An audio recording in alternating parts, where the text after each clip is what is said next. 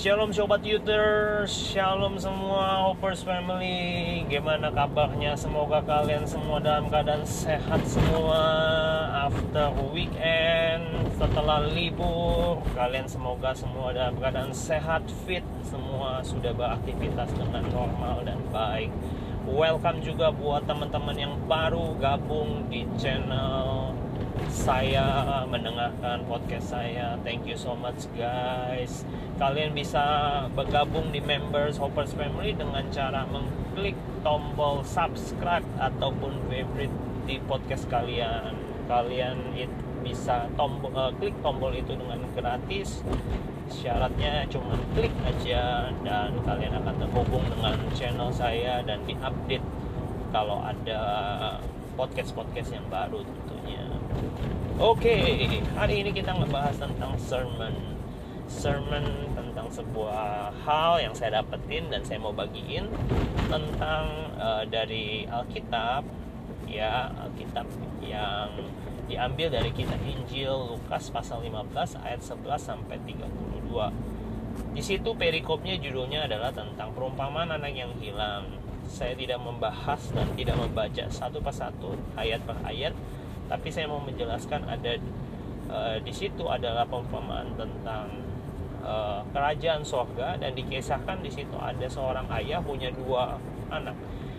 Anak yang sulung dan anak yang bungsu. Tidak dimention namanya siapa hanya saja ceritanya berawal daripada si bungsu meminta bagian hak warisnya untuk dikeluarkan Singkat cerita, bapaknya ini bapak yang baik. Walaupun anak bungsunya ini kurang ajar, dikeluarkan uangnya, dikasih kepada anak bungsu. Dan anak bungsu ketika menerima uang yang banyak itu, dia kabur, dia lari keluar kota, dia habiskan dengan foya-foya. Sampai satu ketika di mana kota di mana dia pindah itu terjadi musibah. Saya tidak tahu musibahnya apa, tetapi singkat cerita, dia jatuh pilot, dia jatuh susah, sampai semua teman-temannya menghindari ataupun jauh daripada dia. Nah, pada saat jauh, dia mau tidak mau untuk menyambung hidupnya, dia harus kerja untuk makan. Nah, pada saat dia kerja, dia kerja di peternakan babi, I guess. Dia dia tugasnya untuk memberikan makan babi, tetapi sayangnya yang terjadi adalah dia tidak untuk bahkan untuk makanan ampas babi ya itu nggak ada orang yang mau ngasih ini anak kasihan sekali anak bungsu ini kasihan sekali ya. Karena saya mau mengatakan bahwa mau makan makanan babi aja nggak dikasih. Ya jadi malang sekali nasibnya tetapi tidak berhenti di situ ya. Ternyata anak bungsu ini menyadari ke, ke keterpurukannya. Untungnya dia berkata aduh enak sekali ya. Jadi uh, kalau saya seperti itu kerja di rumah bapak saya. Mereka susah sih mereka kerja tapi mereka kan minimal mereka dapat makan. Ya nggak seperti di sini. Saya kerja tapi saya nggak dapat makanan apa-apa. Mau makan ampas babi aja nggak ada yang mau ngasih. Ya sehingga cerita anak bungsu ini memutuskan untuk pulang ke rumah bapaknya. Dan bapaknya ketika melihat jauh dari jauh dia langsung lari menyambut anak bungsu ini dipeluk. Dia suruh semua pelayannya untuk memberikan uh, kepada anak bungsu ini. Jubahnya kemudian cincinnya kemudian sepatunya kasurnya ya mungkin dia compang camping. Tapi bapaknya itu menyambut dia dengan luar biasa. Dan singkat cerita setelah dia disambut bapaknya juga merintahin bukan sampai di situ aja dipestain teman-teman. Dipestain potong lembu sapi, uh, lembu sapi ya lembu tambun dipotong untuk dipestain ya. Dan ketika dipestain suaranya berisik kedengaran sama anak sulung. Dan anak sulung bertanya ada apa? Dan salah satu pelayannya mengatakan bahwa adiknya sudah pulang dan bapaknya itu begitu bergembira ya memestakan sang adik yang baru pulang. Lalu ketika anak sulung itu mendengar berita anak bungsu itu pulang dan dipestakan dia marah teman-teman dia marah dia ngambek sampai bapaknya ngomong kenapa kamu ngambek? Ya lalu si sulung ini menjawab bahwa bapak ini apa-apaan? Anak bungsumu yang kurang aja itu yang ngabisin duit. Masa dia pulang-pulang bapak sambut bapak terima? Bahkan bapak pestain potong lembu. Aduh bapak ini benar-benar keterlaluan. Saya anak sulung loh. Saya sudah bantu bapak saya nggak pernah pergi-pergi ke mana-mana. Saya kerja di ladang. Saya melakukan segala sesuatunya untuk bapak. Tapi bapak balasnya seperti itu. Mana adilnya bapak? Wah anak sulungnya mungkin seperti itu ngomel-ngomel kayak itu saya cuma mendramatisir aja karena saya tidak membaca Alkitab secara komplit. Tapi saudara saya sarankan untuk membaca Lukas 15 ayat 11 sampai 32 di supaya saudara mendapatkan gambaran utuh tentang apa yang terjadi sehingga cerita bapaknya menjawab dengan suara yang lembut dan sekaligus juga memberikan sebuah perenungan buat kita semua tentang pada sore malam hari ini tentang menangkap isi hati Bapak. Ya, Bapaknya mengatakan bahwa ngapain kamu tuh begitu? Kamu itu anak saya, kamu itu anak Bapak. Ya. Apa yang menjadi milikku itu milikmu. Apa yang menjadi milik Bapak itu milikmu. Justru kita harus bersuka cita karena adikmu yang hilang, yang mati itu sudah didapatkan kembali. Nah, saya mau, mau baru mau mengajak kita untuk sama-sama mulai merenungkan kebenaran firman ini. Ya di situ dikatakan perumpamaan tentang anak yang terhilang. Sesungguhnya anak yang hilang bukan cuma satu anak yang hilangnya ada dua. Dua-duanya hilang. Bedanya yang satu hilang minggat keluar. Yang satu hilang di dalam rumah banyak sekali orang percaya mengalami salah satu dari antara anak ini mereka memiliki karakter yang sama mereka cuma mau berpikir bahwa mereka harus sukses tanpa mereka tahu apa yang menjadi keinginan atau kerinduan hati Bapak. Kita lihat saudara-saudara, ada tipe orang percaya seperti anak bungsu. Anak yang bungsu ini bisa direpresentasikan dengan anak Tuhan yang fokus hanya kepada berkat Tuhan. Berkat materi, berkat jasmani, berkat kesehatan, berkat pemulihan. Fokusnya hanya kepada itu. Fokusnya hanya sebatas berkat kekristenan kalau kita ambil secara sampling kekristenan kalau bisa kita cuma kaitin hanya kepada berkat kita adalah orang yang benar itu karena berkat diukur karena berkat maka saya mau mengatakan uh, sorga itu nggak adil untuk orang yang tidak punya uang tapi justru saya mau mengatakan sorga itu adil sorga itu mulia. Ya dia memperlakukan semua dari kita sama. Bersyukur saya mengenal Tuhan Yesus dan yaitu begitu mulia dan begitu baik. Kembali lagi kepada orang anak bungsu. Ya anak bungsu ini fokusnya hanya kepada bakat. Dia hanya fokus kepada hak warisnya dia. Dia hanya fokus kepada harta milik bapaknya setengah daripada harta milik bapaknya itu pasti banyak jumlahnya fokusnya hanya kepada itu. Ketika bapaknya memberikan dia lupa dirinya. Ya habiskan semuanya. Ya berpikir dia hebat. Dia bisa berdiri sendiri. Nah saya mau kasih tahu. Ya kesombongan itu adalah awal daripada kehancuran. Maka jangan sombong ketika saudara diberkati. Tambah diberkati tanpa cinta Tuhan.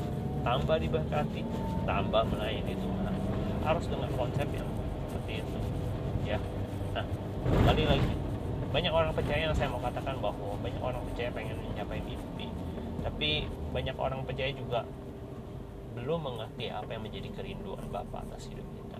Nah, mari kita lihat yang pertama. Ya, pelajaran apa sih yang kita dapatkan dari anak bungsu? Dari anak bungsu kita belajar bahwa jangan fokus hanya kepada berkat. Banyak loh di gereja. Orang ke gereja fokusnya apa? Ditanya mau uh, kenapa mau ke gereja? Ya habis. Saya mau cari jodoh. Ya saya daripada nyari di diskotik lebih baik di gereja. Ya.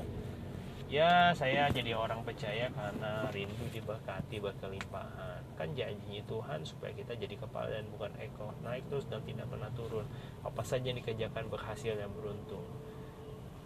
Ya nggak salah juga sih. Tapi jangan itu yang menjadi fokus utama kita. Ya jadi poin yang pertama yang saya mau ajak kita untuk belajar daripada perumpamaan anak yang hilang ini adalah jangan seperti anak yang bungsu. Jangan hanya fokusmu matamu hanya tertuju kepada hal-hal yang bersifat materi.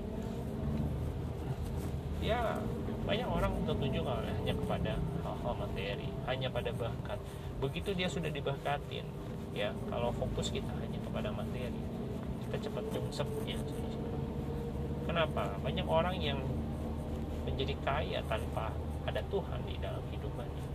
Orang itu punya uh, punya sebuah kerentanan ya untuk jatuh gitu ya, ya jatuh sombong jatuh uh, tidak mau mengandalkan Tuhan.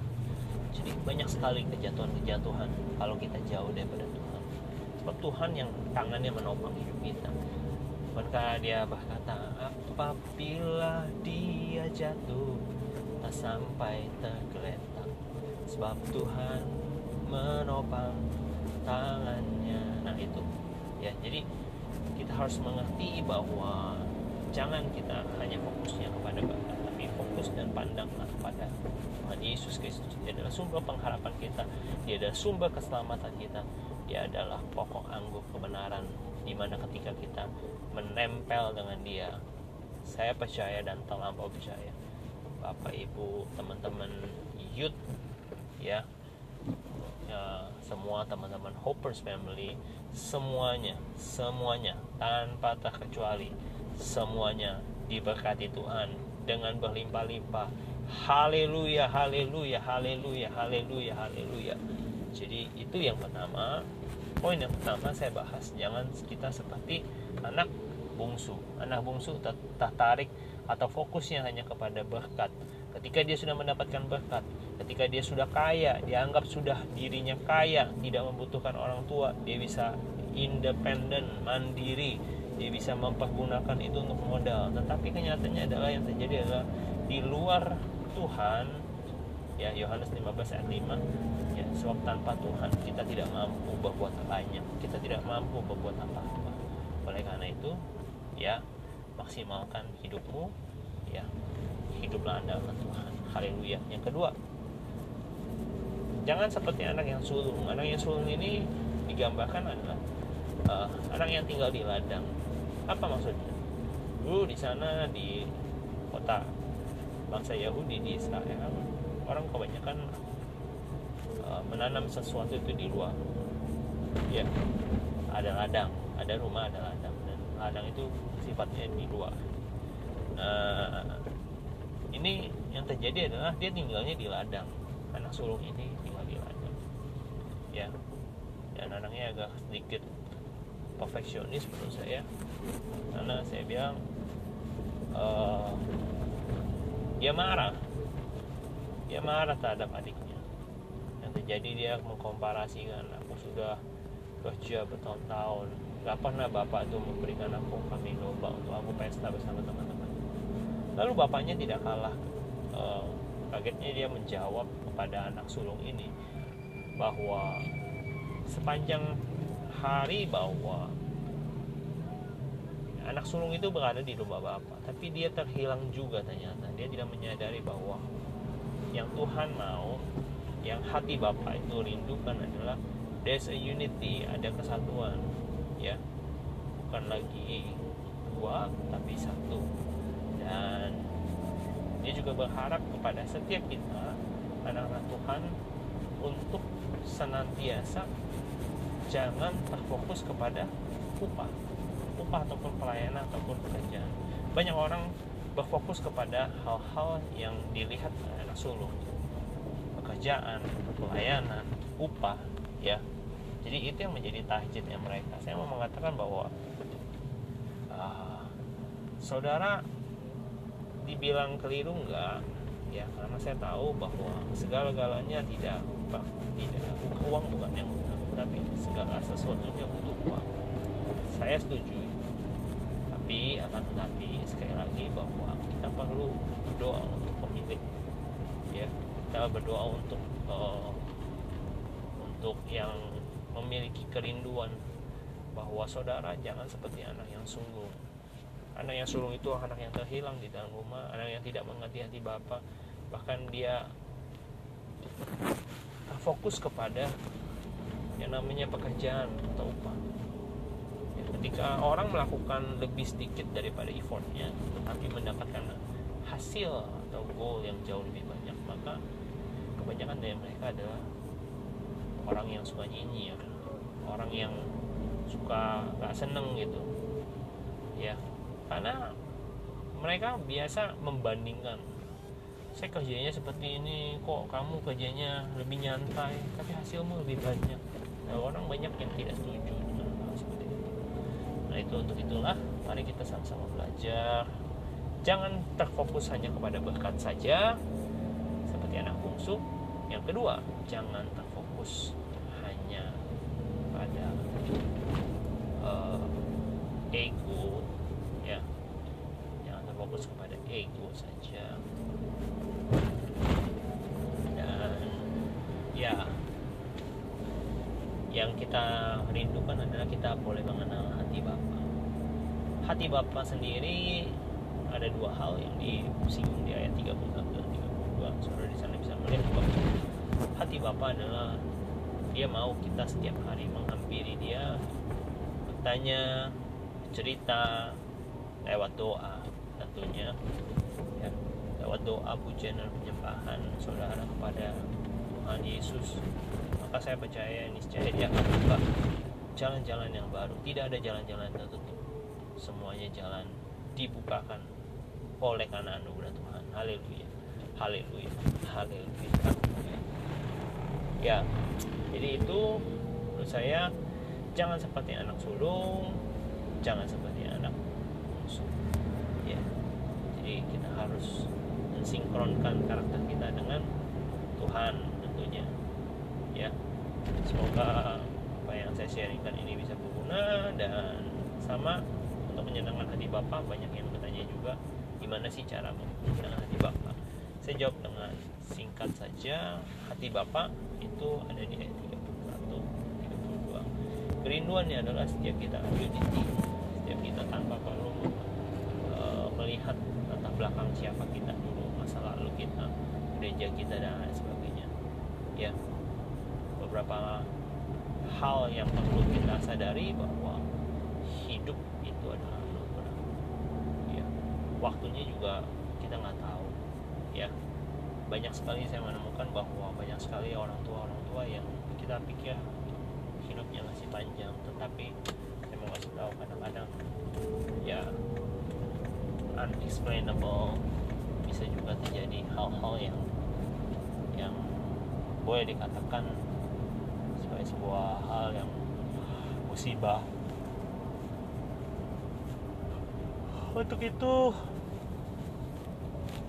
mari kita belajar untuk menangkap hati Bapa. Ketika kita menangkap hati Bapa, maka kita tahu bahwa kehidupan kita sepenuhnya sekarang dipimpin oleh Tuhan. Dipindahkan daripada terang yang, uh, daripada kegelapan kepada terang yang ajaib. Didesain untuk menjadi garam dan terang bagi dunia dan semuanya untuk hormat kemuliaan nama Tuhan. Ya, Tuhan Yesus memberkati kita semua. Shalom and see you in next episode guys. Sobat Uters and Hoppers. Bye bye.